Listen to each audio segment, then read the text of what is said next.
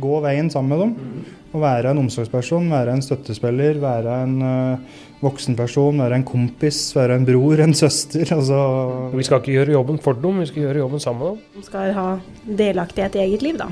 Og det er jo absolutt kjempeviktig idet du driver og blir voksen. For uh, idet du blir 18, så er du jo på en måte voksen. Men uh, vi skulle alle kanskje ønske, når vi ble 18, å ha en litt sånn kompis og støttesetter som har vært der før, da. Ikke være redd å stille ungene dine det spørsmålet. Eller gå og mistenke over lengre tid og bygge opp masse aggresjon eller uh, uvitenhet om hva som foregår om kvelden. Bare ta det med en gang. Du hører nå på Team Up podkast. Mitt navn er Espen Haug, og i et samarbeid med Team Up Helse AS har vi nå laga denne podkasten nettopp for deg. God fornøyelse.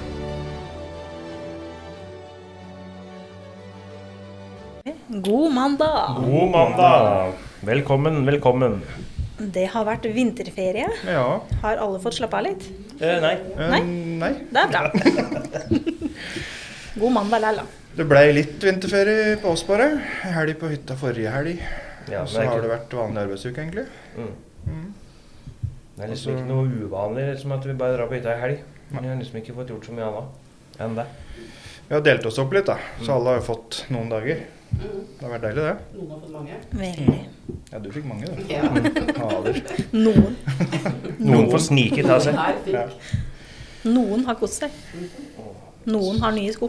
Så var vi på Vinstra, kjørte litt bil i går. Der krasjet jeg med mannen din. Yes. Så vi har to vraka biler. Yes. Med airbagen ute. Med airbagen ute.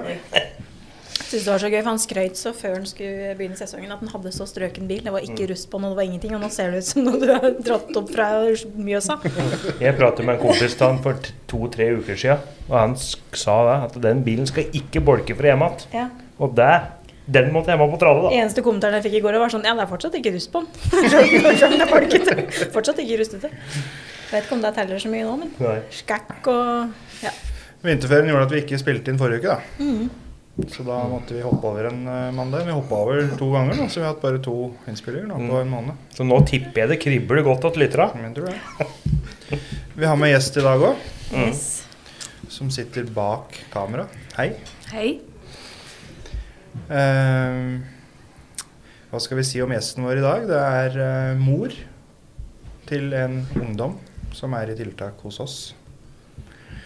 Som da av eh, personhensyn sitter bak kamera, Mm. men som vi er veldig glad for å ha på besøk. Så skal vi få høre litt om eh, Jeg vet ikke åssen vi skal legge det opp, jeg, men, eh, men du skal få lov til å si litt det du har lyst til å si, og så kan vi jo snakke om litt før og litt nå og litt fremover, kanskje. Litt underveis. Ja. Det er jo, pleier jo vanligvis da å, å si at en bare skal begynne fra starten av. Eh, jeg vet ikke om vi skal begynne helt ifra. Hvordan var han som barn? og, og Jeg tenker at vi må begynne på begynnelsen, Ja. for å si det sånn. Um, det vil si, begynnelsen blir jo skolestart Mm. i den sammenhengen der. Mm. Uh, for jeg hadde jo da, eller har jo fortsatt, da, men han gleda seg jo til å begynne på skolen. Han Mm. var jo stolt av å skulle begynne på skolen. Mm. Og så går det to måneder, og så vil han ikke gå på skolen lenger. Og da Allerede i første klasse? eller? Allerede første klasse. Mm. Ja. For det er litt sånn der, Vi har pratet litt om man mye. sånn Mye vanskelig tid har begynt i den der alderen der. Ja. Det var jo Altså, han var jo helt vanlig liten gutt Mm. helt fram til skolestart. Eh, og det skjedde på 0,0, liksom. At han da ikke ikke ville gå på skolen, egentlig. Mm. Eh, og da gjorde jo vi som alle foreldre gjør. Vi tar jo da kontakt med skolen og bare Hva skjer her? Eh, hvorfor er det sånn? Eh, og den beskrivelsen som vi fikk av den skolegutten, den kjente jo ikke vi igjen. For det var jo en helt annen gutt enn den vi hadde hjemme. Mm. Gutt hadde dere hjemme? Nei, vi hadde jo en gutt som satt på rommet sitt og lekte med Lego, surra med sitt, var veldig glad i å være ute. Altså han var en helt, helt vanlig gutt. Mm. Uh, og den beskrivelsen som kom fra skolen med uh, uro, utrygghet, masse konflikter både med store og små, det var jo noe som vi Så vi fikk jo egentlig litt sånn wow. wow. For det var ikke noe tegn til det hjemme, liksom? Nei, det var ikke det. Så, og så er det litt sånn, for jeg tenkte her, her er skole For oss da så var det jo på en måte Her må vi jo opprette et skole-hjem-samarbeid. Eh, men når du da kommer på skolen og blir møtt med at du må ikke komme her og tro at ungen din kan noen ting, så blir det jo et vanskelig samarbeidsklima. Så vi hadde jo mange samtaler med skolen eh, uten at vi egentlig kom noen vei. Og så skal det jo òg sies at det var jo ikke bare mitt barn som hadde utfordringer i den klassa. Så det var flere. Det var et miljøproblem. Ja, det var, altså, det var her for, for I vårt tilfelle så var det nok en kombinasjon, da. Mm. Eh, men men eh, det eh, Det var flere som på en måte måtte trene på å gå på skolen. Mm. Eh, så, så det var jo Det var jo en eh, prosess som gikk på klassenivå. Eh, men eh, så, så, så det, det endte jo Det var foreldremøter, det var samtaler med lærere, det var samtaler med Ja, på alle nivåer, da, for å prøve å få i gang en god dialog, uten at det egentlig ga noen sånne resultater i forhold til en bedre situasjon, da. For det ble bare nærmest som at dere voksne prata mye sammen, men det var liksom situasjonen for ungdommen, eller gutten, var den samme. Ja. Det, det resulterte ikke i noe bedre læringsmiljø for mitt barn. Eh, og så, etter et år ca., så får jo jeg en telefon fra barnevernstjenesten eh, med spørsmål om mitt barn blir slått hjemme. Og da viser det seg jo at skolen tenker jo da at siden han oppfører seg sånn på skolen, så må han jo bli slått hjemme. Og det var en eh, Den dagen husker jeg veldig godt, for det var en sånn sjokkbeskjed. Eh, nå skal det sies at den saken ble jo rimelig fort Men Hva eh, var grunnen til at, plutselig, at hun kom til den konklusjonen? At, eh, Nei, det handla nok om de situasjonene som han havna i på skolen, med utagerende atferd og, og sånn. Og, det, og jeg tenker at det handler kanskje noe om eh, den forutinntattheten, kanskje, som Jeg vet ikke.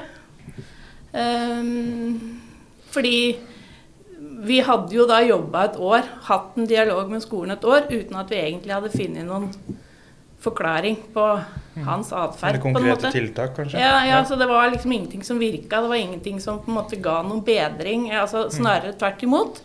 Og dermed så tenker jeg at da ble det en sånn Ja ja, så lenge det, det er jo ikke noe her. Altså det skjer jo ikke noe bedring her, så da må det jo være hjemmet som er problemet. Noe i den duren. Så mm, Og da ble barnevernet kobla inn? da ble barnevernet kobla inn.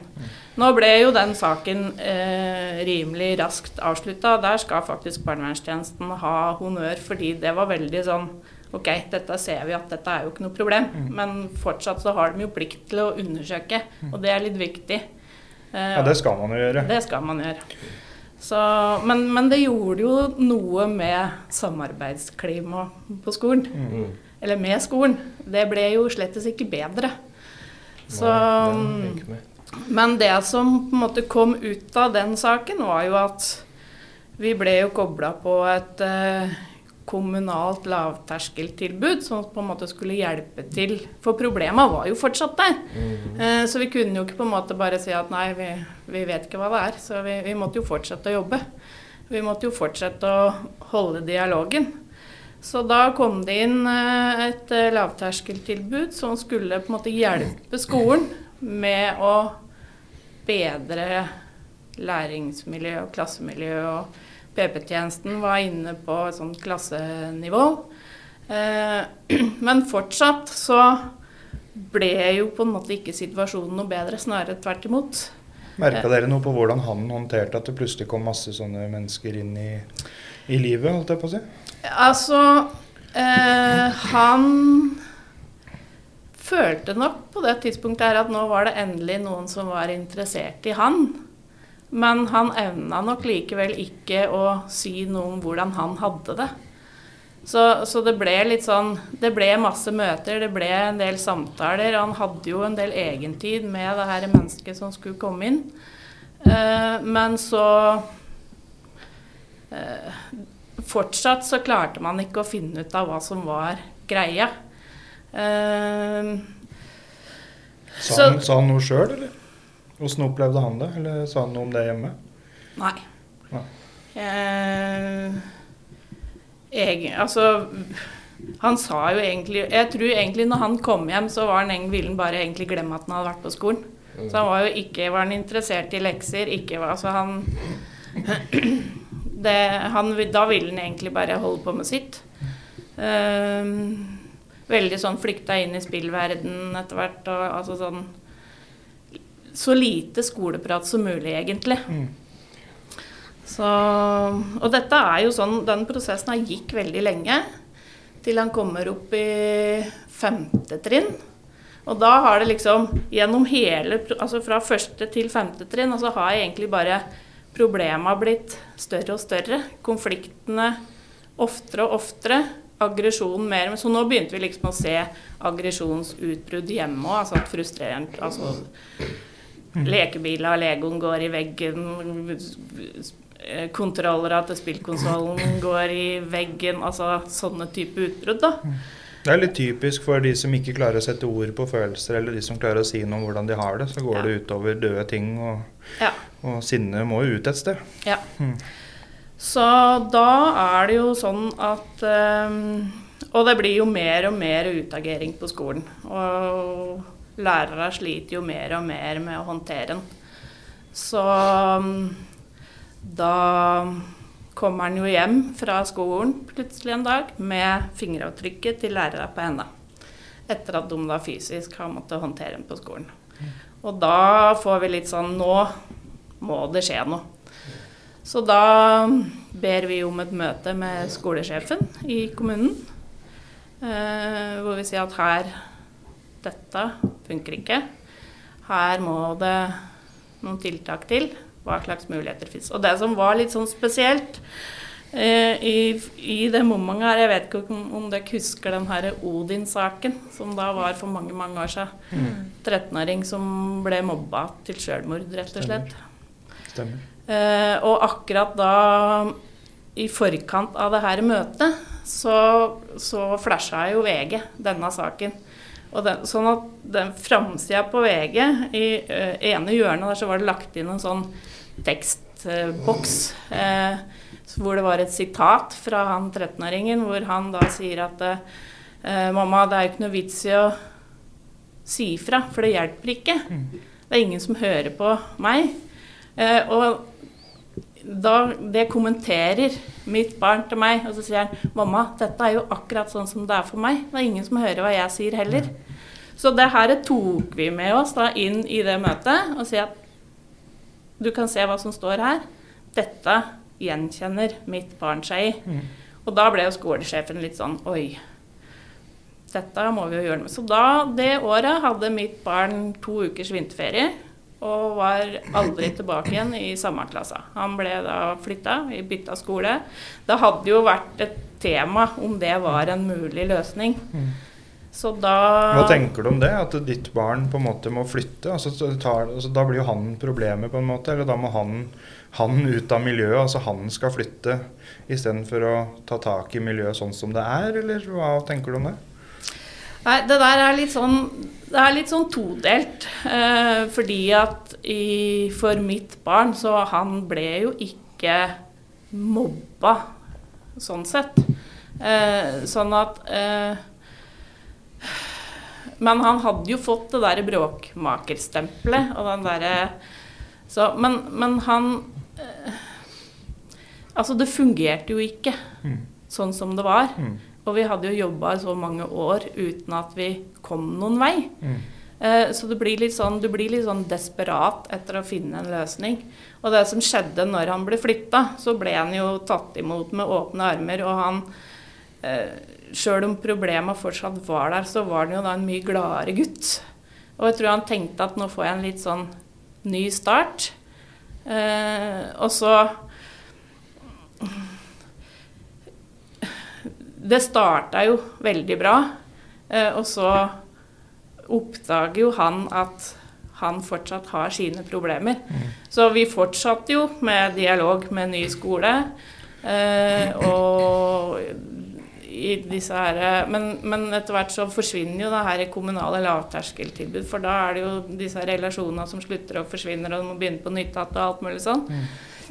Så, så men, men sånn Da så opplevde jo jeg egentlig at han hadde en bedre hverdag når han da fikk en ny skole, et nytt miljø, eh, og had, var i mindre sånne utagerende situasjoner. Eh, men læringssituasjonen hans var jo fortsatt like vanskelig, da. Eh, men han møtte nok lærere på ny skole som hadde en annen pedagogisk tilnærming, som passa han litt bedre. Så opplevelsen vår var jo at hverdagen ble bedre. Hverdagen hjemme òg ble bedre. Ja, en stund. Eh, men men eh, sånn typisk nok, da, så skilles jo jeg og far. Eh, og det slo jo ikke Altså, det skapte jo da en utrygg og vanskelig situasjon for For um, Hvor er vi i alder nå, når, det, når dere skilte dere? Da er vi i slutten av barneskolen. Ja. Så i overgangen barneskolen, ungdomsskolen, så, så, så skalerer jo problematikken. Og det er noe med at unga blir større, det altså friheten blir større. Når du kommer du på ungdomsskolen, så blir jo krava større, både til eh, holdt på å si eh, selvstendighet og alt dette her. Så når du kommer du på ungdomsskolen, så begynner det liksom å Det begynner å bli vanskelig også for foreldre, eller oss som foreldre, da. Sånn, Og så var det jo, Vi kommer jo tilbake til det sikkert, men han hadde jo lærevansker. altså Det Ja. var mye sånn konsentrasjon og lærevansker og sånne ting som, som gjør at du ikke får lagt det grunnlaget på barneskolen for å være rusta til å fikse ungdomsskolen. Ja, og det er jo det som jeg tenker på en måte virus, altså sånn, For foreløpig så veit ikke vi om disse altså På det tidspunktet her så vet ikke vi om de lærevanska. Eh, og det tenker jeg er litt sånn For fokuset har hele tida vært på atferd, og ikke på årsak. Så tenker jeg at hadde Sånn i etterpåklokskapens ånd, så tenker jeg jo at hadde uh, skoleverket og hjelpeapparatet hatt mer fokus på årsak, så hadde jo kanskje dette vært avdekka tidligere. Så, for det går jo ennå noen år før hans lærevansker blir avdekka. Han har vært god til å skjule det. han da. Sånn- Veldig god til å skjule det. Mm. Eh, For det er jo et aspekt av det, det òg. Mm. For mange av de som har lærevansker og sliter med, de, de kamuflerer jo det i å være klovn eller å utagere, eller å, som flytter fokuset fra det at de faktisk ikke får til det faglige, Mm. til at det fokuset blir noe helt annet. Og så er det fordi vi så jo det altså sånn, Det var egentlig ingen som stilte spørsmål om lærevansker i det hele tatt. Fordi at øh, den munt, altså når du sitter og snakker, så avdekkes ikke de lærevanskene, for de går på lesing. Mm. Uh, sånn at uh, Han hadde jo en del prøver og sånn på som han fikk ta muntlig. Mm. For, å, for, for skolen prøvde jo hele tida å finne metoder som skulle funke for han. Så, så det som han da gjennomførte muntlig og i samtale med lærere, så gjorde han det jo kjempebra. Så, så dermed så var det liksom ingen som tenkte tanken på at det lå noe mer under her. Det var liksom bare at situasjonen hans var så vanskelig, så han Han har alltid vært verbal og god til å prate for seg. Det har han vært. ja. Ja. Men Ja. Merka dere det på et eller annet tidspunkt i forhold til lekser og lesing og sånn, eller hvordan Vi har jo aldri fått den til å lære lekser. Altså, vi har jo egentlig helt siden første trinn satt, måtte sette oss ned med og dra den gjennom alle leksene. Eh, og det er jo sånn Det har jo vært ekstremt mange typer belønningssystemer og greier opp gjennom åra for å liksom prøve å liksom finne en eller annen sånn motivasjonsgreie som skulle funke. Eh, Så jeg vet jo, det var en Vi drev jo med ukepenger en stund. Det var faktisk i første klasse, hvor da far sier at hvis ikke du nå får gjort de leksene dine, så blir det ikke noe ukepenger på det denne, denne uka. Og da bare ser seks, seksåringen opp på faren sin og så sier penger er ikke alt her i verden, vet du, pappa. Det sier han ikke nå. Nei. Nei, nei. nei men det er noe med at da bare Du blir jo litt sånn Der kommer okay. den der street smarten inn igjen. Han er kjapp i replikken og Ja. veit hva han skal si. Ja. Så du blir jo litt sånn hjelpeløs, da. For det, og, det, og det har jo vært litt sånn gjengs for alle disse her belønningssystemene. Det, det funker ikke, rett og slett. Men du begynner jo å presse ungen litt òg. Du finner jo på de systemene her, sånn, for du vet, som du sier, du vet jo ikke at den har lærevansker. Nei. Så du prøver jo å presse den til å gjøre de leksene, og liksom få den til å gjøre det og sånn. Ja. Og så når man sitter og ikke veit at den faktisk ikke har sjans til å få det til, da, så blir det jo en, sitter jo han igjen med en veldig sånn følelse av å mislykkes, tenker jeg. ja, det blir sånn hver dag så forsterkes jo den der og der. For, Mm. altså sånn der frustrasjonen vår med at bare Men kan du ikke bare sette deg ned og gjøre de oppgavene, og så kan du gjøre akkurat hva du vil etterpå? Mm. Uh, og når du da liksom får den gang på gang på gang, flere ganger om dagen, hver dag, Mm. så gjør jo det noe med deg. Så mm, Ja.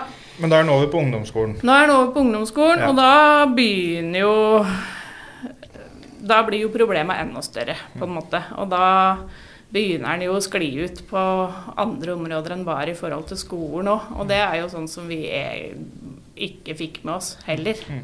på det tidspunktet. Eh, men da har vi jo kobla på helsesykepleie på skolen. Eh, så hun får en ganske god relasjon til ungdommen. Han har blitt ungdom nå, jeg får ikke si barn lenger. Ja. Så eh, Men vi, fortsatt, vi har jo fortsatt ikke noen god løsning på å få ting til å fungere. Og konfliktnivået blir jo egentlig bare større og større, både hjemme og på skolen. Er barnevernet fortsatt involvert nå? Nei, de har egentlig ikke vært involvert siden, disse, be, siden bekymringsmeldinga. Men det som skjer nå, er at eh, vi har jo da ganske tett dialog med helsesykepleieren. I samråd med henne så kobler vi på forebyggende enhet i politiet, uten at det egentlig gir noen resultater. Så det ender jo med at både jeg og det her kommunale lavterskeltilbudet små har liksom gått tom for løsninger, og også da forebyggende enhet hos politiet sender en ny bekymringsmelding til barnevernet. Så det vil si at nå har vi tre instanser som sender bekymringsmelding til barnevernstjenesten. Så da blir de jo liksom kobla på for alvor. Det er en belastning for dere òg, da. Eh, ja. Sitte litt sånn oppi det og ikke helt skjønne hva som foregår. Og så må det være jævlig frustrerende. Det er, eh, ja, det er fryktelig frustrerende, og det er så mange prosesser du skal håndtere på en gang. Fordi at du skal da eh, eh, slåss i systemet for at ditt barn skal få den hjelpa han trenger, og på en måte komme seg på et bedre sted. Eh, og så skal du håndtere dine egne følelser oppi alt dette her. Eh, og så skal du ta vare på søsken, som skal ha et sånn tålelig, normalt liv. Eh, og så skal du på en måte gå ut på butikken med rak rygg. og det er litt sånn, for det har jeg faktisk kjent ganske mye på. Sånn derre den altså eh, Skammen, skyldfølelsen, frustrasjon, eh, utrygghet, eh, frykt. Altså alle de tinga der. Og dette er jo sånne ting som folk liker å prate om. Ja, absolutt. Altså Det er dette bygdedyret som vi har pratet om før. holdt jeg Ja, på å si. Sånn, Når det skjer sånne ting, så, så elsker jo folk å på en måte prate om andre og andre sine problemer. Og så er det veldig lett å på en måte synke ned en litt sånn Når du har slåss så lenge uten at du egentlig får noen resultater, så, så Du går tom for pågangsmot, på en måte. Mm. Så jeg har jo hatt perioder hvor jeg liksom har følt at når jeg har gått på butting, så har folk sett på meg at bare, «Å, der kommer hun der som ikke har kontroll på ungene sine, liksom. Mm. Det, det er, en ganske, følelse. det er en ekkel følelse, rett og slett. Så Men det Nei, man kan jo ikke gi seg. Det er noe med at eh, når du Du, du slåss jo med nebb og klør for unga dine, på en måte. Så vi fortsetter jo å stille spørsmål, vi, med hva som skjer, og hva som ikke skjer, og i det hele tatt. Så, men så er det jo Vi holder den sånn Vi klarer å holde den sånn noenlunde flytende. Mm.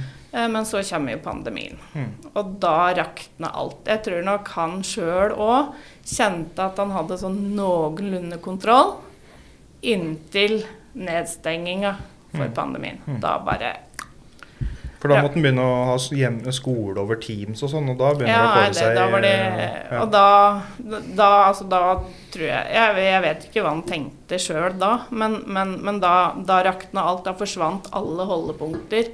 Eh, og utryggheten ble enda større. Mm.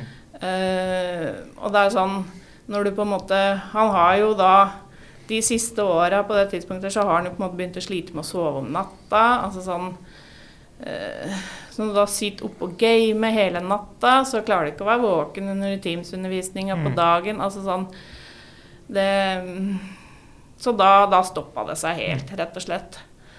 Så, men på et eller annet mirakuløst vis så fullførte han jo faktisk grunnskolen Mm. med ja, OK resultater. Ja. Og det er jo da takket være lærere som la inn ganske mye ekstra innsats for å innhente eh, Hva heter det Vurderinger muntlig. Mm. Så han på en måte fikk eh, snakka, seg, snakka om hva han faktisk kunne, da, for Mm. å få karakterer i For det var vel helt nødvendig, ellers hadde han jo ikke fullført. Nei. Mm. Men, men jeg vet det var enkelte lærere som liksom faktisk møtte han til samtale ute. eh, for å liksom bare få en samtale med han, for å kunne vise til at her Jeg har faktisk snakka med han, han kan noen ting. Mm. Så, så mm, det skal jo da de enkeltlærere ha kred og ros for. Mm. Så de, skolen, da på ungdomsskolen så gjorde jo skolen faktisk det de kunne for å måtte skulle berge den igjennom, da. Ja. Mm. Så ja. Det er eh, Så er jo neste trinn, da. Da er det jo videregående. Eh, han starta jo da første forsøk på videregående, og det, og da var han veldig sånn ny start og nye muligheter, og fortsatt så er jo ikke vanskene avdekka. For han er jo litt sånn at han har alltid liksom den derre Når det har liksom kommet til nye faser eller nye ting, Mm. så er han veldig sånn positiv. Altså det her, 'Nå er det en ny start. Nå Ja. skal jeg få det til.' Eller 'nå skal jeg Ja. Så han har aldri liksom lagt seg ned i den overgangen. Han har tenkt sjøl at dette her skal bli bra, på en måte. Ja, ja. Vi har jo nå ganske mye dialog med barnevernstjenesten. Eh, og det er jo litt sånn eh, Det var ikke sånn veldig mange forslag til tiltak. Det, altså Alle var jo enige om at her må det hjelp inn. Spørsmålet da er jo hvilken form. Så vi starta jo da med et sånt MST-vedtak. Og det ble rett og slett helt krise. Eh, det funka jo slettes ikke for den problemstillingen som vi hadde. Altså, og det, altså, det bekrefter vel egentlig bare den derre forut, forutinntatt Nei, hva heter det? Forutinntattheten? Ja. Eh, som uh, som fins, da. Om at uh, ja, da i den bråkmakeren her må vi liksom Her er det grensesetting som må til for å få styr på det der krapilet her, på en måte. Eh, og det det, altså det ble en sånn derre Det ble en fryktelig dårlig opplevelse, for det førte til et økt konfliktnivå mellom meg og far. Mm. Eh, fordi vi hadde to forskjellige måter å takle den grensesettinga som vi på en måte ble pålagt da, i Mm. det opplegget. Um, og jeg tror for ungdommen sin del så ble det der enda en sånn ny bekreftelse på at dette får du ikke til. Så her må du inn med sånn derre A4-greier uten spillerom. Og jeg tror bare det ble en enda mer sånn derre Nei, du duger ikke til noe, eller dette får du ikke til. Og, altså, det ble enda en ny sånn Og jeg tror han følte seg så fanga i det opplegget. Mm. Uh, og det var jo på en måte også egentlig bare et nytt belønningssystem som på en måte forsterka alt det negative fra før. Da. Så det varte ikke lenge. Uh, men da, når det ble avslutta, så var det litt sånn Ja, hva gjør vi nå? Og da var det jo på en måte BUP som på en måte ble neste alternativ. Eh, og da starter jo prosessen med kartlegging, og da begynner jo vanskene å komme til syne. Mm. Da blir det avdekka, på en måte. Det begynner å nærme Mm. seg avdekking. Mm. Eh, nå skal det jo sies at den utageringa den skalerer jo noe voldsomt. Så da har vi en periode Fordi han starter jo på videregående eh, og klar for ny start og ny giv. Eh, og får han faktisk da opp og ut på skolen helt til å begynne med, men så kommer det jo da en ny koronanedstenging etter tre-fire uker eller noe sånt, og Mm. da rakner det jo på nytt. Mm. Så, og da For der òg prøvde jo vi å være litt sånn føre var. Hadde Tok jo kontakt med skolen, hadde dialog med skolen med å si at her er det sånn og sånn. Slitt masse sånn og sånn, blæ, blæ, blæ.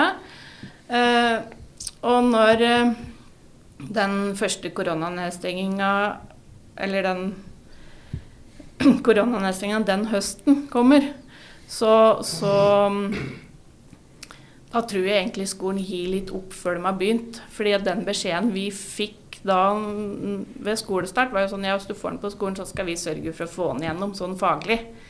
Eh, men når vi da ikke klarte han å få Altså når nedstenginga var over og han skulle på skolen igjen, så da hadde på en måte skaden skjedd. Da Mm. fikk vi den ikke av gårde igjen. Mm.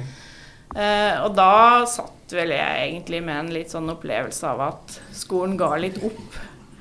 Så det endte jo med at han da droppa ut før 1.11., for da bruker du ikke av den her ungdoms... Da var det ble en sånn Mm. formell greie. Beholder du skoleretten din? Ja. Mm. Så i stedet for da på en måte eh, si at gi jernet, dette går bra, så var det sånn nei, dette er ikke noe vits.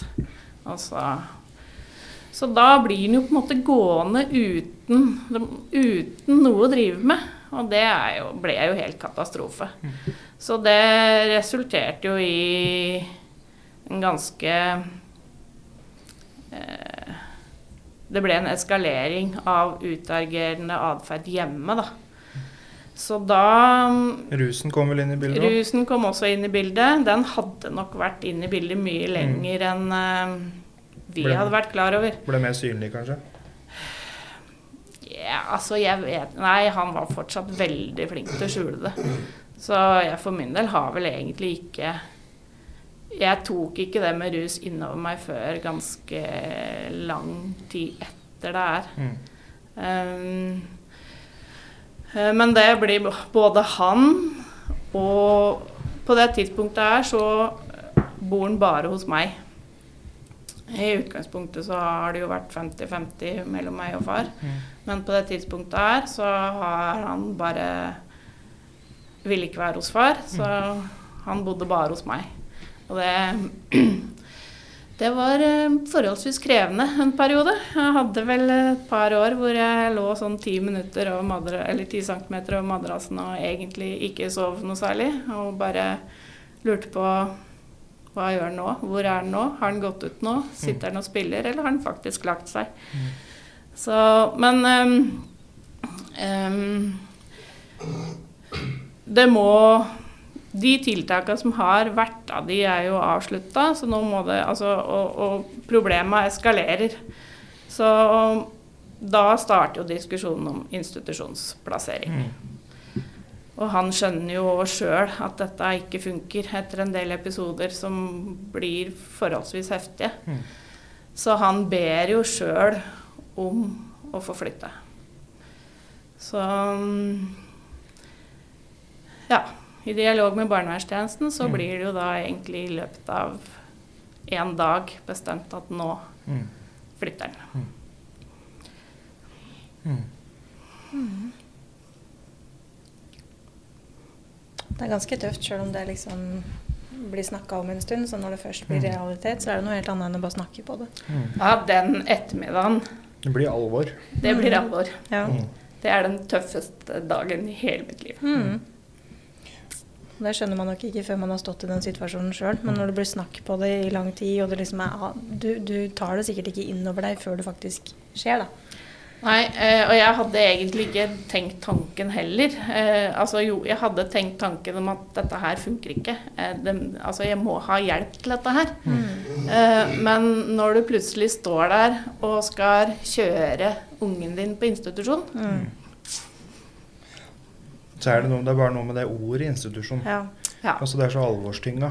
Altså Nå er det noe som har gått ordentlig gærent. Så sitter han igjen med følelsen av ja, og Og der, nå må den over. og der dukker jo alle de der Ja. følelsene opp på nytt. Da. Mm. Eh, du skjønner at det er det som er fornuftig å gjøre. Mm. Eh, og så skriker jo mammahjertet, for det, det er jo bare så totalt feil. Mm. Eh, og så har du sorgen, du har frykten, du er jo livredd, du aner jo ikke hva som skjer. Eh, og så er det det her med, med den følelsen av å ha mis... Du er jo, har jo mislykkes som mor, på en måte. Eh, så Man har jo ikke det, eh, men man føler det. Ja, altså, det Ja, er følelsen. ja. Ja. Så, så Det er viktig å påpeke. ja. For du Det kan, jo, du kan jo tenke Mm. hvordan det hadde vært uten dere, da. Mm. For dere har jo stått på i alle år. Ja. Og så er det litt sånn Blir det også litt sånn Det blir en sånn avmakt når du vet at du har slåss i årevis Mm. uten at du har kommet i mål. Mm. For når du slåss, så håper du på at det skal hjelpe. Ja. Og når du kommer til liksom en sånn øh, greie som det her, da, Mm. så sitter du igjen med den følelsen etter så mange år med å slåss at det ikke har hjelpa. Ja. Men så har det jo, det er mange aspekter av det som har hjelpa, fordi at dere, han har blitt ivaretatt. Og han har gått så bra det kan gå oppi noe som er dårlig. Ja, ja da. Man har liksom prøvd alt som fins. Ja. Og hvis du har prøvd alt som fins, og det enda ikke fungerer, da er det, det er ikke greit å kjøre ungen din på institusjon Nei. noen gang. Men da har du i hvert fall gjort alt du kan, da. Ja, det er jo det som jeg håper å si prøver å trøste meg med i dag, da, på en måte. Eller sånn jeg- Jeg prøver å overbevise meg sjøl om at jeg har altså, Eller jeg har jo ikke dårlig samvittighet, fordi jeg veit at vi faktisk har gjort Mm. For det første så har vi jo gjort alt vi har gjort i beste mening, på en måte. Eh, og vi har jo prøvd og prøvd og prøvd og prøvd uten at vi egentlig Og vi kjenner jo historien til familien deres ganske godt nødvendigvis. Har Mm. lært oss å kjenne nå over eh, ganske lang tid. Og det er jo mange på en måte, i mange familier mange ting som eh, kan gå gærent hos folk. Der uh, ungdommen ikke har de ressurspersonene rundt seg, eller kommer fra et hjem som er uh, har veldig mye utfordringer, eller ikke har omsorgsevne, eller etc. Mm.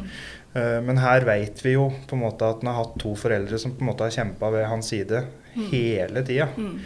Um, så det er det er vanskelig å sitte i en situasjon når det ikke virker. Men, men det er ikke det, vi vet jo at dere har gjort alt dere kan hele veien.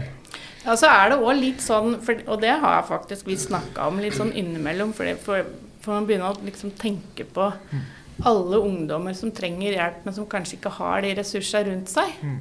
Eh, så får en jo helt vondt i magen og liksom tenker på hva vi har slåss mot opp gjennom åra. Eh, og så blir det jo litt sånn For vi har nok kanskje opplevd at vi For vi har jo stadig vekk opplevd at vi har vært de der brysomme foreldra som blander seg opp i alt mulig hele tida. Eh, og jeg tror kanskje at i en del situasjoner så er ikke hjelpeapparatet vant til at foreldra bryr seg. Så det blir en litt sånn vanskelig sak for hjelpeapparatet òg. Eh, og det merka jeg jo, for nå eh, er han jo da først på én akuttinstitusjon, og så blir han jo flytta, fordi at du skal jo ikke være lenge på en akuttenhet. Eh, så han blir flytta til en ny akuttenhet i påvente av en permanent omsorgsplass. Mm. Så han er jo da innom tre institusjoner på åtte måneder. Mm. Uh, og det blir jo Det blir jo en ny, gedigen nedtur. Mm. Det fungerer så noenlunde, og det liksom ser ut som det skal gå bra. Og så, når det ender opp på den omsorgsplassen, så blir det helt krise. Mm. Da rakner alt. Eh, Og nå er vel rusen så stor del av livet også? ja, det blir det. Mm. det. Den eskalerer jo Mm. veldig i den perioden her. Som en mestringsstrategi for han, og selvmedisinering kanskje. Og, Ja, jeg tror det blir en sånn overlevelsesgreie. Mm. Eh, og der òg kjente jo vi veldig på det der med å være de der brysomme foreldra. For vi Altså, når han kom inn på den omsorgsplassen, så var jo ordlyden var jo sånn Ja, det er jo dere som kjenner barna deres best, så vi skal jo selvfølgelig samarbeide med dere. Mm. Og etter hvert som vi stilte spørsmål og så stilte en del krav, så ble jo låta at bare Hallo, nå må dere la vi få gjøre jobben vår, ikke bland dere. Eh, og vi spurte jo gjentatte ganger, for vi satt jo på avstand og kunne på en måte se symptoma eh, uten at vi egentlig visste. Så vi spurte jo flere ganger mistenker du grus. Nei, det var det ingen indikasjoner på. Og i ettertid så er jo det bare helt hårreisende. For det, det sier så mye om hvor overlatt til seg sjøl han var. Altså, han ringte jo og bare 'Mamma, jeg er sulten'. Så vi kjørte jo opp med mat. Eh, og fikk jo bare streng beskjed om at det skulle vi jo slettes ikke gjøre, fordi han skulle ned til felles bespisning. Og det funker ikke, vet du. Så på et eller annet tidspunkt så bare var det sånn Nei, dette går ikke. Så da måtte vi jo hente den hjem igjen. Da var jo gutten 1,90 høy og veide 50 kilo, så det sier jo noe om hva slags tilstand han var i. Ikke sov han, ikke spiste han, han var helt sånn gjennomsiktig. Rett og slett sjuk på alle måter. Rett og slett sjuk, både fysisk og psykisk, egentlig. Han har jo hatt, i årevis hatt eh, litt ryggproblemer. Eh, så mm, den dagen vi bare bestemte oss for å hente den hjem igjen, så skulle han jo egentlig ha en kiropraktortime. Men kiropraktoren sa jo bare til han at vet du, jeg kan godt knekke på deg, men det er så lite substans i muskulaturen din nå at det vil ikke hjelpe noe i det hele tatt. Og da, måte, da er han så underernært at da er det liksom ingenting som funker. Så da Da flytta vi den hjem. Og da var jo risikovurderinga sånn at da flytta han jo ikke tilbake igjen til meg, men da måtte han flytte hjem hos far pga. av historien. Mm. Så da, og da er det litt sånn Da begynner panikken hos oss foreldre. Hva for gjør da-? Hva gjør vi nå? Hva slags alternativer har vi nå? For nå på dette tidspunktet her så har han jo nesten ikke vært dårligere. Nei, han har aldri vært dårligere verken før eller etterpå Nei. enn han var på det tidspunktet. Og da når dere kan kjempe så mye som dere har gjort, og så får dere ikke hjem igjen nå, og så er han i dårligere forfatning enn den noen gang har vært. Ja. Og litt sånn følelsen av å kanskje ikke ha noen flere muligheter. Ja, veldig. Altså hatt alle kommunale instanser inne på en måte, og Ja. vært i institusjon og Hele og- hjelpeapparatet har jo egentlig vært innom på et eller annet tidspunkt. Eh, Det, det betyr jo ikke at det, de, det kommunale ikke klarer å hjelpe mange andre, men for, for din sønn så var det ikke det rette. Nei. Det var ikke de, de rette tiltakene som Han var inne. fant seg ikke til rette. Nei. Nei. Nei, og det er litt sånn typisk fordi at uh, i løpet av den perioden her, så har jo vi fått svar på en del av disse kartleggingene og sånt som har vært gjort. Så nå veit vi jo på en måte om diagnosene og vanskene. Uh, og kombinasjonen av alt dette her gjør jo at han har jo Og det forklarer jo hvorfor han aldri har passa inn i den norske A4-boksen i skolesystemet, f.eks. Eh, og, og jeg tror den institusjonsboksen òg blir for firkanta.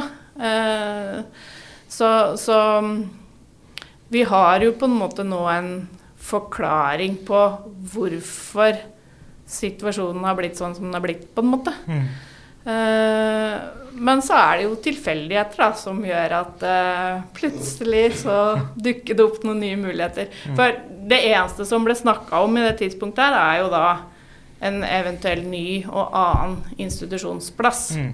Og jeg må jo innrømme at jeg var jo særdeles skeptisk til det. For jeg bare Disse institusjonene er vel i prinsippet helt like. Så hvorfor skal det fungere bedre et annet sted, liksom? Det var vel spørsmålet at den skulle langt unna òg. Ja. Mm. Og det var jo panikken tok jo mammahjertet så det koste etter i den, det momentet her. Og så er det jo da tilfeldigheter med at eh, eh, min ungdom har kompiser som da er hjemme hos far på overnatting. Og så har jo far da dialog med foreldre til disse kompisene, og så får vi jo snusen i at Team med pelse er eh, rimelig nyoppstarta, eller i ferd med å etableres. Og, Få fotfeste. få fotfeste, ja. Så, og du vet at da var det jo bare å kaste seg rundt. Ja. Dere visste jo egentlig ingenting om oss, sånn sett.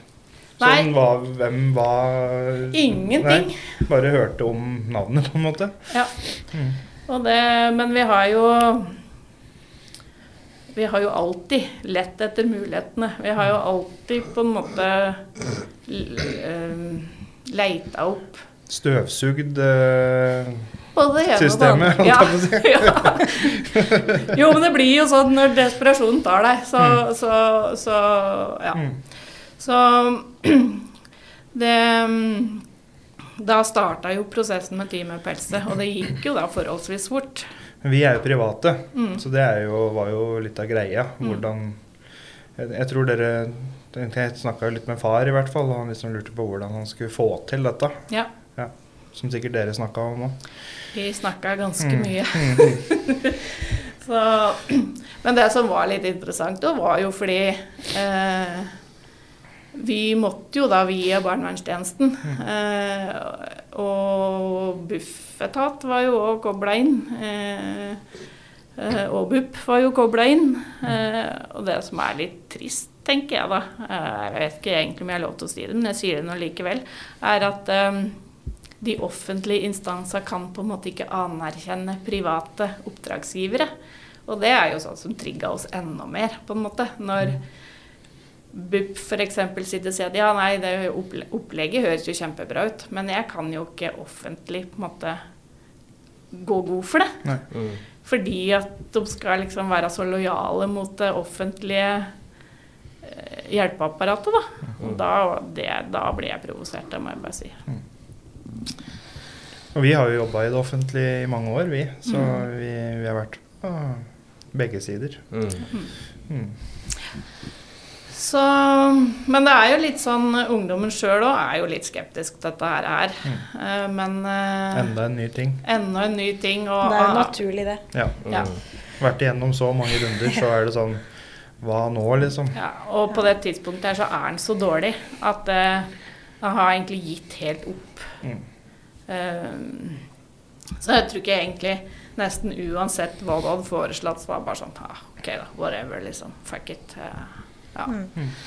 Så um, Hva var inngangsporten? Eller hvordan eh, begynte dere å på en måte forberede han på å prøve nytt? Eh, Det var det barnevernstjenesten og BUP som gjorde. Mm. Vi var egentlig bare eh, på si, Altså, den prosessen var ikke vi egentlig en del av. Mm. Vi hadde vel egentlig mer enn nok med å prosessere våre egne ting. Mm. Og holde han sånn noenlunde flytende. Mm. Og på en måte sørge for at han var så trygg som han kunne være, på en måte. Og vi merka jo veldig godt pågangsmotet deres. For i det øyeblikket dere fikk vite om oss, så var det mange telefoner. Og dere var informasjonssøkende, og dere, dere Vi merka at dere sjekker de mulighetene dere kan sjekke. Mm. Mm. Mm. Det er eh, Det var noe som ble trigga, for å si det sånn. Eh, og jeg må jo si at jeg er jo Jeg er blodfan av type Pelse, for å si det sånn. og, det er, og, det, og det tenker jeg Og det er sånn Det handler om eh, til å begynne med så var det jo litt sånn ja, ja, vi må jo bare prøve. For dette er jo noe helt annet enn det institusjonsopplegget som han kom fra. Så vi må bare prøve å få det til. Eh, fordi at å sende han på en ny institusjon var liksom ikke noe tema, egentlig. Eh, og jeg husker, det er ikke sikkert jeg husker, men jeg husker det første Teams-møtet vi hadde. For da var det jo fortsatt litt sånn koronagreier. Eh, så skulle vi vel egentlig diskutere mandatet Mm. til Team Up Helse. Mm. Eh, og i begynnelsen av det møtet så sier du, Lars, at eh, jeg må hilse på deg òg. Mm. For vi hadde ikke snakka sammen i det hele Mm. tatt. Du hadde egentlig bare snakka med far. Mm. Og da ble det litt sånn Det traff meg så innmari. For det var sånn Oi, her er det noen som ser. Mm. For det var en litt sånn ny opplevelse. Så, så, så da var det litt sånn Og når vi da kom så langt uka etterpå, eller noe sånt, så var jo jeg og far og så på hybelen. For det var jo da snakk om et, en hybel med oppfølging. Mm. Så da var jo vi hjemme hos deg, Mats, og så på denne hybelen. Mm. Og det er jo sånn Den varmen og den omsorgen Mm. og atmosfæren Mm. da vi kom inn der. Mm. Og ikke bare fra deg, men også fra din samboer. Mm. Så det mm, er jo sånn som vi snakka om da i bilen tilbake, er at hvis ikke dette funker, Mm. så er jeg ikke så sikker på om det går an å finne noe som funker. Og Vi var jo etablert i regionen her, og egentlig ikke i regionen dere kommer ifra. Nei. Så det var et nytt område for oss å bevege oss inn i òg. Um, så det var jo spennende for oss òg, på en måte. Altså um, Hva skal jeg si? Um, nytt, altså utvide det vi driver med, da. Og så å få kontakt med dere og, og få kontakt med hjelpeapparatet i ny region. Og liksom prøve å sette sammen noe som skulle funke i forhold til noe som veldig mange hadde gitt opp. Mm. Og det trigger jo oss veldig. Altså Når vi liksom hører om bakgrunnen her, og hører om de rundene dere har gått, og hører om at ting ikke funker, så er det noe som trigger oss veldig på det med at her skal vi Her må vi prøve å få til noe. Mm. Og dere har jo fått til. Vi liker å tro det, i hvert fall. Det har vært en reise. det har skjedd mye. Mm. Det har vært en lang reise.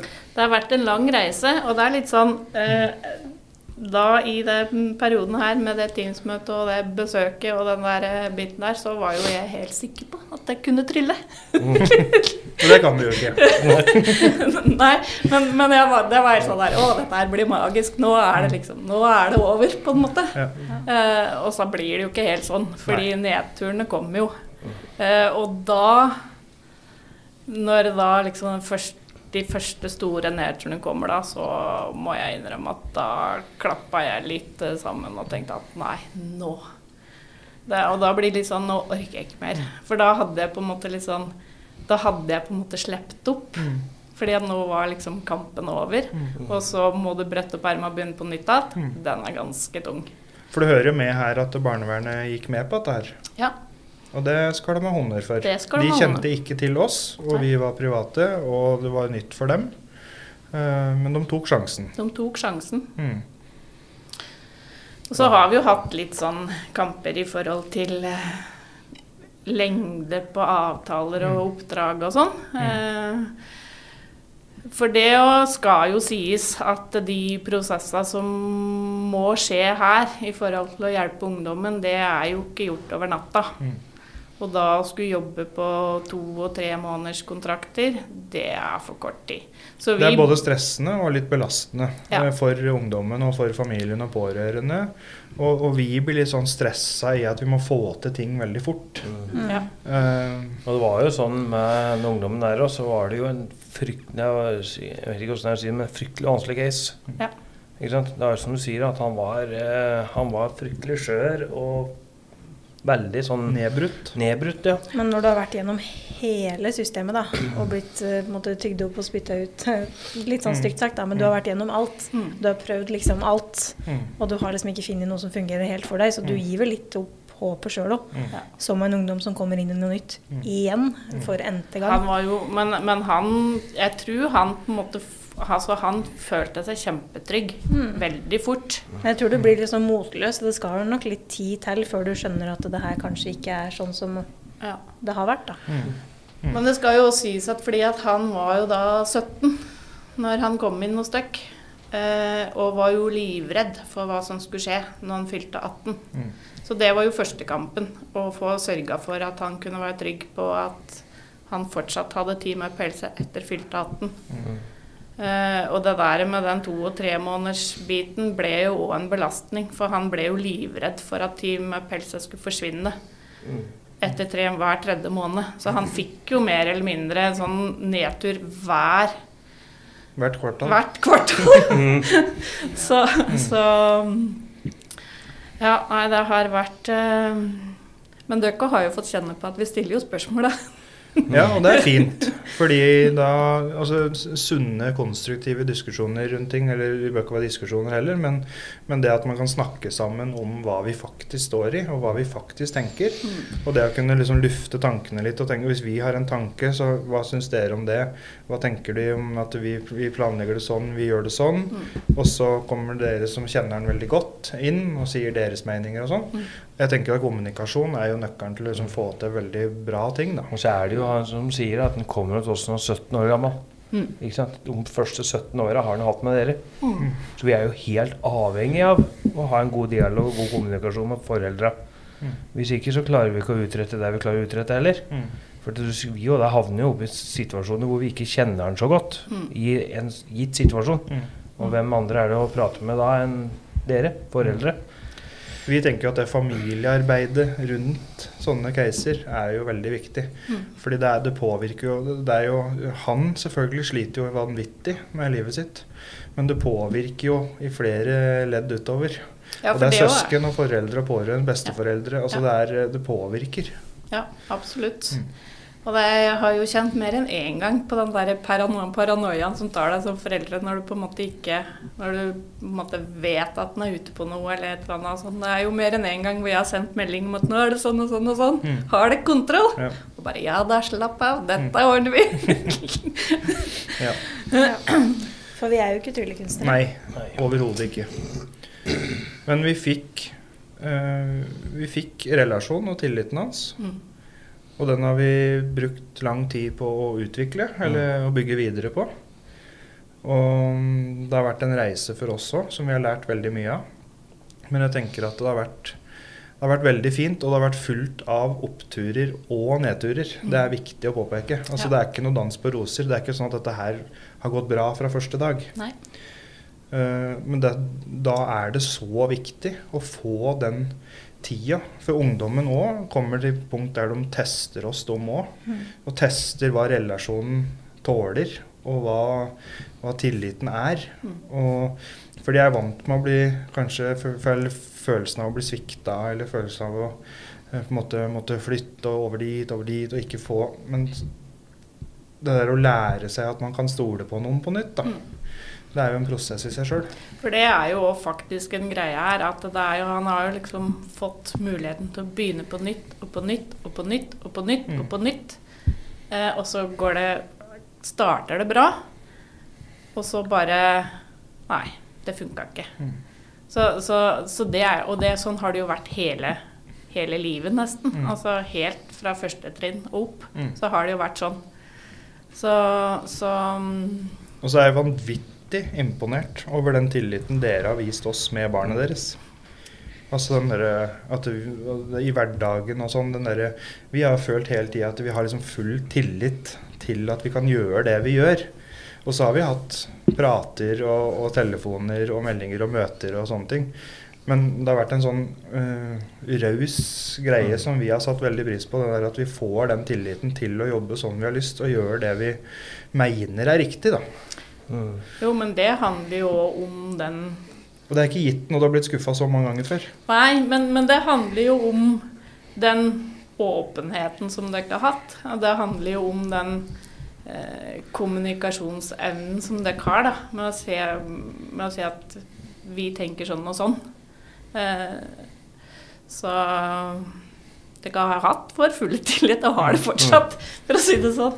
Men jeg tror litt, litt av den der eh, suksessfaktoren i det er også å avklare ting litt sånn på forhånd, sånn at dere er forberedt på hva som skal skje. Istedenfor at det skjer noe, og så øh, er det noe som virker ukontrollerbart. Eller dere ser på en måte at han øh, gjør et eller annet, eller at det skjer noe, og så forklarer vi i etterkant på en måte Ja, men det skjedde fordi Istedenfor å være i forkant si nå tenker vi at de kommende dagene nå så skal vi gjøre det sånn og sånn. Og så har vi en plan med det, vi har et mål med det. Vi skal, vi skal dit. Mm. Vi skal liksom ta stein for stein, og så skal vi først dit, og så skal vi dit. Og så skal Det der også være i å ha en åpen dialog og kommunikasjon om hva vi tenker, og hva planen er. Og det er Altså, jeg tenker i hvert fall for mitt mammahjerte så blir det på en måte Det blir viktig fordi at noe av det vanskeligste i det kaoset her er jo å slippe taket. Eh, og jeg har jo blitt fullstendig kontrollfrik opp gjennom åra.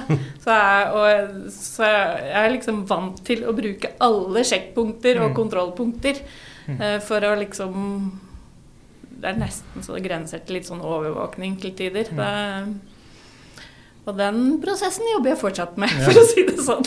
Men det er ikke så rart når ting sklir så ut og er sånn det er.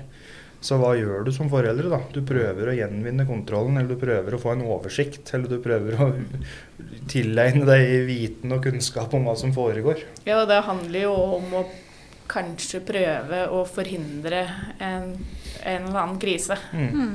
Mm. For du frykter vel det verste på en Ja. måte hele tida? Alltid. Ja. Mm. Fortsatt. Og jeg er litt usikker på om den biten forsvinner helt noen gang. Mm. Det har blitt mye bedre enn det Mm. var. Men om den forsvinner helt, det er jeg ikke så sikker på. Mm.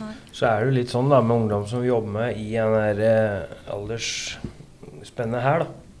Gruppa. altså når er det du, når er det du sier at det nå, nå er han som en helt vanlig Anna 16, eh, 17, 18, 19-åring. Mm. Når er han som alle andre? Mm. Ikke sant? At det er en kategoriserer som ikke som alle de andre fordi han havner på en fest, eller om han er ute sent på natta, eller hva er det som er en del av det normale livet? Altså når er det du, når er det du setter ned og sier at ok, nå lever han normalt? Nå har han gode rutiner Ja, gode rutiner sånn, ja. Så når er det liksom For det er jo en gang sånn da at du ser på mange andre 16-, 17-, 18-, 19-åringer som er på en fest som blir seint, og Mm. kommer seg hjem igjen da. Og, Mm. Men liksom når er det du sier at det er normalt? mm. Ikke sant? Mm. Så det er litt sånn det som jeg spør meg ofte mye om, da. For det er jo den alderen der som du på en måte òg legger grunnlaget for ditt sosiale liv. Mm. Også venner, nettverk og hvem du skal på en måte være venn med framover. Mm. Og da er det en sånn avveining på liksom hva Hvordan løser vi det, da? Mm. For vi kan jo ikke avskåre den fra eh, samfunnet. Nei, og det er det som på en måte blir litt sånn frustrasjonen. fordi at når du på en måte veit om alle farer der ute, så har du egentlig bare lyst til å binde ungdommen fast til senga. Eh, men det går jo ikke. Det, er jo ikke Det er ikke lov. Så så, så det, det er mer enn én gang hvor jeg bare Mm. Det er liksom at vi kjemper litt imot eh, systemet litt rundt omkring der. At når er det vi kan gå og si det at vi, vi, vi fikk det til? Mm. Når er det vi når kan gjøre det? Mm. Det er nok mye Om det er sjekkpunkter, holdt jeg på å si. Da må legge en så god plan som mulig med å ha et, eh, et mål. Vi skal komme dit, men, men den, den veien er eh, ganske lang. Og så må vi tåle det som prosessen tilbyr. Mm. Og så må vi eh, På et eller annet tidspunkt så må vi på en måte sette en avslutning. Mm. Eh, sånn som vi har gjort nå, da. Eh, for nå har vi jo en plan liksom i 2023 om at liksom, nå skal vi gradvis trappe ned. mm, Og så har vi et mål om at mot jul igjen nå, så skal dette her fungere så godt at han kan på en måte fungere i et normalt liv som en normal 19-åring, da. Mm. Uh, Og da tar panikken meg med en gang. For vi og det er jo ikke interessert i å, å, å ha ungdommen resten av livet. Vi òg må Det hadde vært en vi, veldig vi, fint for meg Ja. hvis jeg bare kunne si det. Men vi må, ha en, vi må ha en plan på det vi gjør. Og, det, og hvis f.eks. Eh, systemet eller barnevernet og sånn på en måte engasjerer oss til et oppdrag òg, Mm. så er det jævlig viktig at vi på en måte har en plan, og ikke bare oppbevarer og har lengst mulig. Mm. Vi òg må vise at vi har en eh, plan om at når vi kommer dit, Mm. Så skal vi avslutte. Ja. Men vi må bare ha den tida fram til da med å legge så godt opplegg som mulig og ruste ungdommen så godt som mulig til å klare seg sjøl etterpå. Mm. Og det er jo det vi jobber med. At Mm. de skal være robuste nok. Mm. Til å tåle nedturer, da. Mm. Til å tåle liksom å, å, å møte folk som kanskje ikke er bra for dem. At de tar avstand og sier nei. Mm. At, de, at de skal være robuste nok Mm. inni seg sjøl Mm. til å si til seg sjøl at 'dette er jeg ferdig med'. Mm. Og da er det snakk om eh, liksom om en da er eh, rusfri eller holder seg på jobb eller holder seg på skolen i 10-11-12 uker, det er ikke nok. Ikke må, det tar lengre tid Mm. enn det. For målet er jo alltid at de skal ikke trenge oss. Mm. Sånn, vi er jo en midlertidig Løsning. Ikke, ja, ikke løsning, Ikke men sånn skal på en måte preppe dem for å klare seg uten oss. Og så Mm. merker vi det på flere av dem som begynner å klare seg veldig bra. At det blir sånn Nei, nå må jeg fucke det opp, for nå, Mm. nå mister jeg deg snart. Og det er sånn de, Vi må prøve liksom å snu det andre veien. da, At det er jo kjempebra at det Mm. går så bra at dere ikke trenger oss. Mm. Og hvis en av dem hadde kommet tilbake til å jobbe i Team Up, så hadde jo det vært helt sjef. Mm. Hvis vi kommer så langt at noen da gjør det og bruker sine Mm. erfaringer på å hjelpe andre igjen. Vi har jo faktisk en som på en måte er så å si avslutta hos oss, som Ja. bidrar inn igjen. Ja. Fordi at han har kommet på et så godt sted og på en Mm. måte sånn jobb og skole og rusfri, og vært rusfri over eh, et år. Altså Mm. at han liksom, Det er ikke bare 14 dager, men han er trygg i seg sjøl. Mm. Og han liker på en måte å bidra inn igjen. Og liksom, hvis vi skal på noe opplegg og sånn, så, så syns han det er veldig moro at vi spør han om han vil være med, for da får han liksom eh, være med og Bidra og han, han føler det godt da, Mm. med å kunne gjøre det.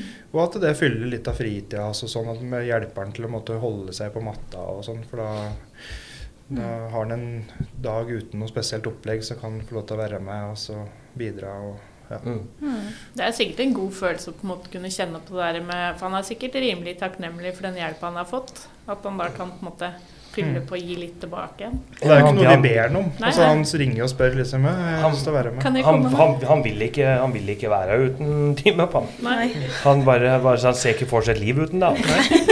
Men vi har vært tydelige på å avslutte det, på en måte. Men, Ja. men det er fint også. Eh, ressurspersoner får vi aldri nok av. Nei. Og folk som har lyst til å være med og bidra og sånn. Kanskje det kommer til et punkt der han jobber fullt og har helt andre prioriteringer i livet. Men nå syns han det er fint å på en måte være med litt, da. Det blir en styrke for teamet på. Ja. Nye ungdommer som kommer inn, kan møte en par stykker som har vært hos oss i, i, i et halvt år til et år til to Mm. år nesten. Man kan møte dem, og så kan de liksom fortelle om sine erfaringer. At det, dette her er ikke så skummelt Mm. som du kanskje sitter og tenker nå.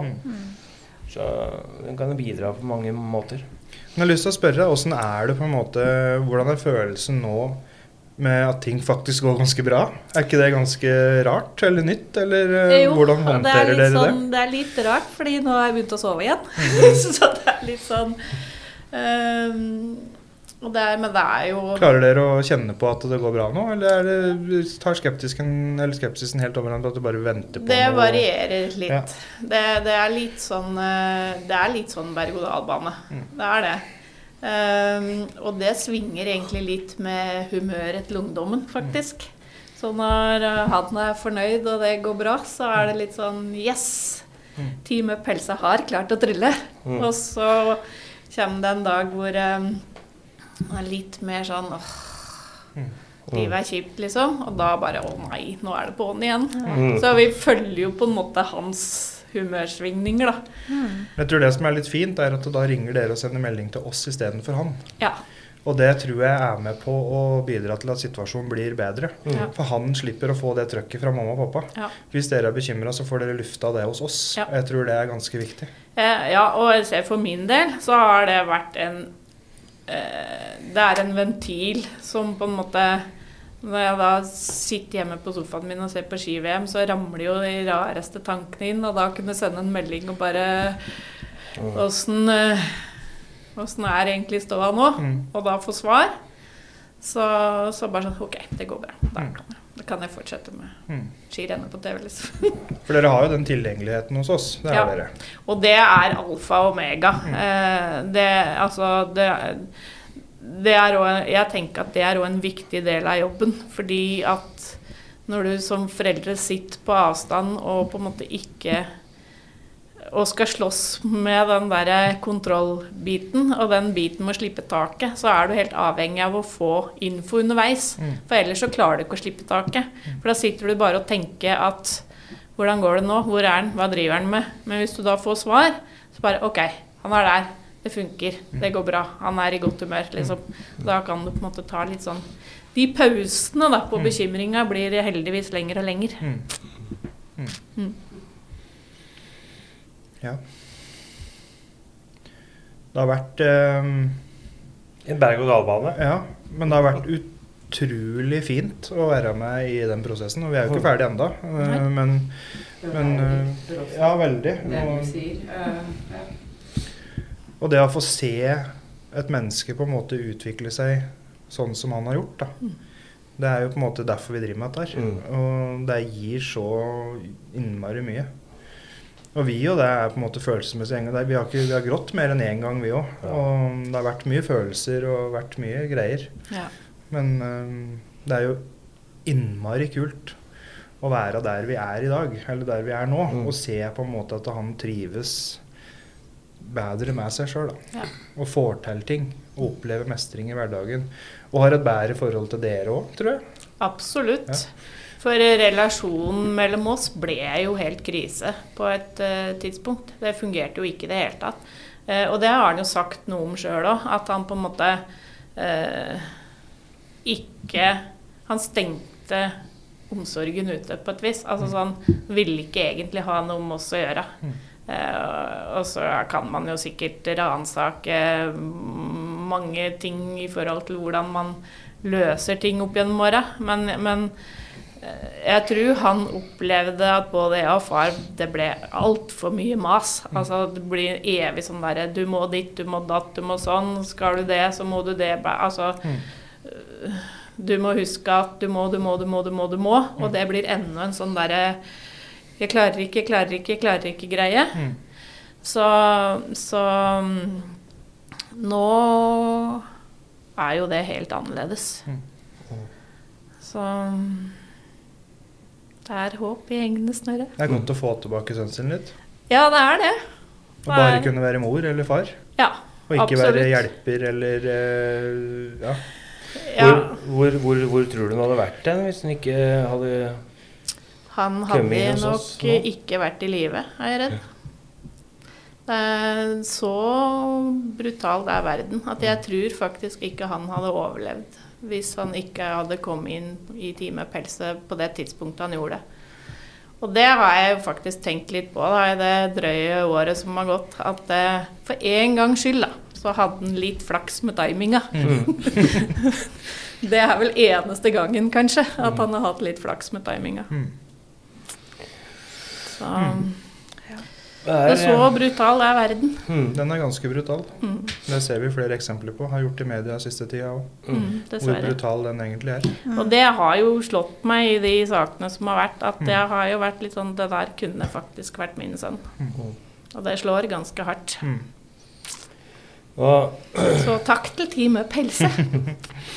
selv takk for vi for tilliten og Mm. alt vi har opplevd Ja. det siste drøye året.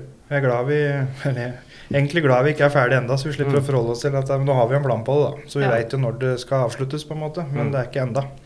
Så vi har fortsatt eh, Masse tid. masse tid til å utvikle det videre. Jeg har ikke lyst til å snakke om avslutningen. ennå. Vi trenger ikke det. det kan vi ta en annen gang. Ja.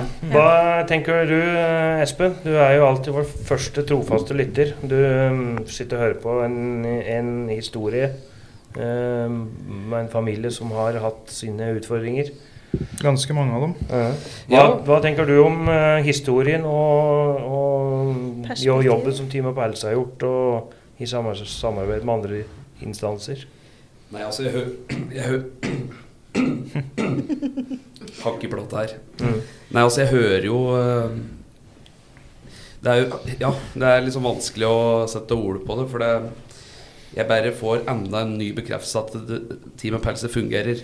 Uh, og når jeg hører disse historiene som blir fortalt både av ungdommer og uh, foresatte og andre rundt, så er det jo uten tvil om at dette tilbudet her er bare skjult for mange.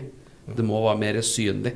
For når det fungerer så bra, og i en god blanding av opp- og nedturer og samarbeid og, og viljestyrke og, og den biten der, så, så må det bare fram. Så Team Pelser må bare mer fram. Uh, og jeg setter jo veldig pris på å få høre både ja, historier du deler, og dere er så flinke til å ja, inkludere, da. Så hva jeg syns og hva jeg tror. Jeg er blodfan, jeg òg. Rett og slett. Sånn helt avslutningsvis, da. Mm. Så har jeg lyst til å igjen si eh, For det blir jo, dette her blir jo litt sånn nært, ikke sant. For vi har jo um, vært i et eh, hva skal jeg si, opplegg en lang periode nå. Uh, og ting går jo bra i denne saken her. Og det blir litt sånn um, at vi får litt sånn fremhevning pga. det. Men, men jeg tenker at uh, vi er ikke aleine. dette her hadde ikke vært mulig uten å samarbeide med de andre instansene. Eh, vi, vi hadde ikke kunnet fått gjort jobben vår hvis det ikke hadde vært for barnevernet. Eh, og vi har samarbeida med BUP i lang tid. Og vi samarbeider nå med DPS.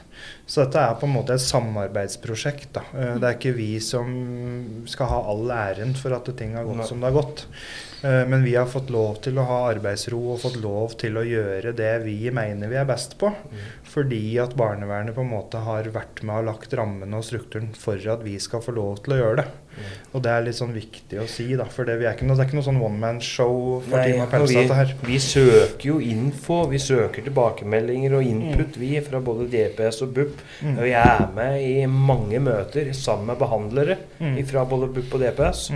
Og du, du plukker opp ting, og du lærer måter å jobbe på. Og Du plukker med det. Og, Mm. og vi har hatt flere tilfeller vi, hvor, eh, hvor vi har bedt om Mm. eh, DPS-samarbeid og, og BUP-samarbeid. Mm. i- Fordi at de kan hjelpe til Mm. eh, med ting som eh, vi kanskje ikke er så gode Mm. på. Men det er dette med det sammen, så blir vi bra. Mm. Du må ha flinke folk på laget. Men jeg tenker jo at det blir litt nøkkelen da, med den tverrfaglige samarbeidet. Mm. Eh, Og det er litt sånn eh, For i det offentlige så opplever vel jeg egentlig litt at det er litt sånn Ok, da prøver vi det. Funker ikke det, så prøver vi det. Og så prøver vi det. Mm. Men hvis du da greier å samle og gjøre flere ting samtidig, Mm. og da ha eksempel ti med pelse på toppen som koordinerer Mm.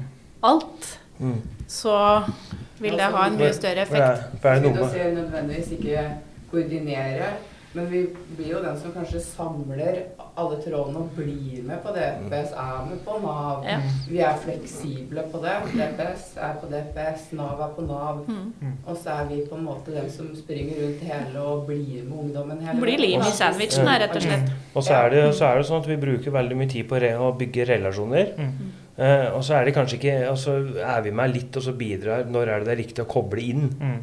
Eh, på og DPS. Ja. At, vi, at vi, bygger en, vi lærer oss å kjenne. Mm. Og så kommer vi til et punkt hvor vi sier det at ok, nå eh, er en klar for å, å begynne med sånn og sånn behandling, eller Mm. eh, og er mottagelig for det. Du må ha en grunnmur og en stødig plattform Ja. der det er flere mennesker involvert. Mm. For at dette skal bli best mulig. Der syns jeg skal være siste ordet for i dag. Yes. Tusen takk for at du kom. Tusen takk for at du er med og deler. Det har vært åpen. eh, kjempefint å ha deg Takk for Veldig tøft gjort. Mm. Da ses vi neste uke. Det gjør vi. Mm. Yes. Takk for nå. Takk for i dag.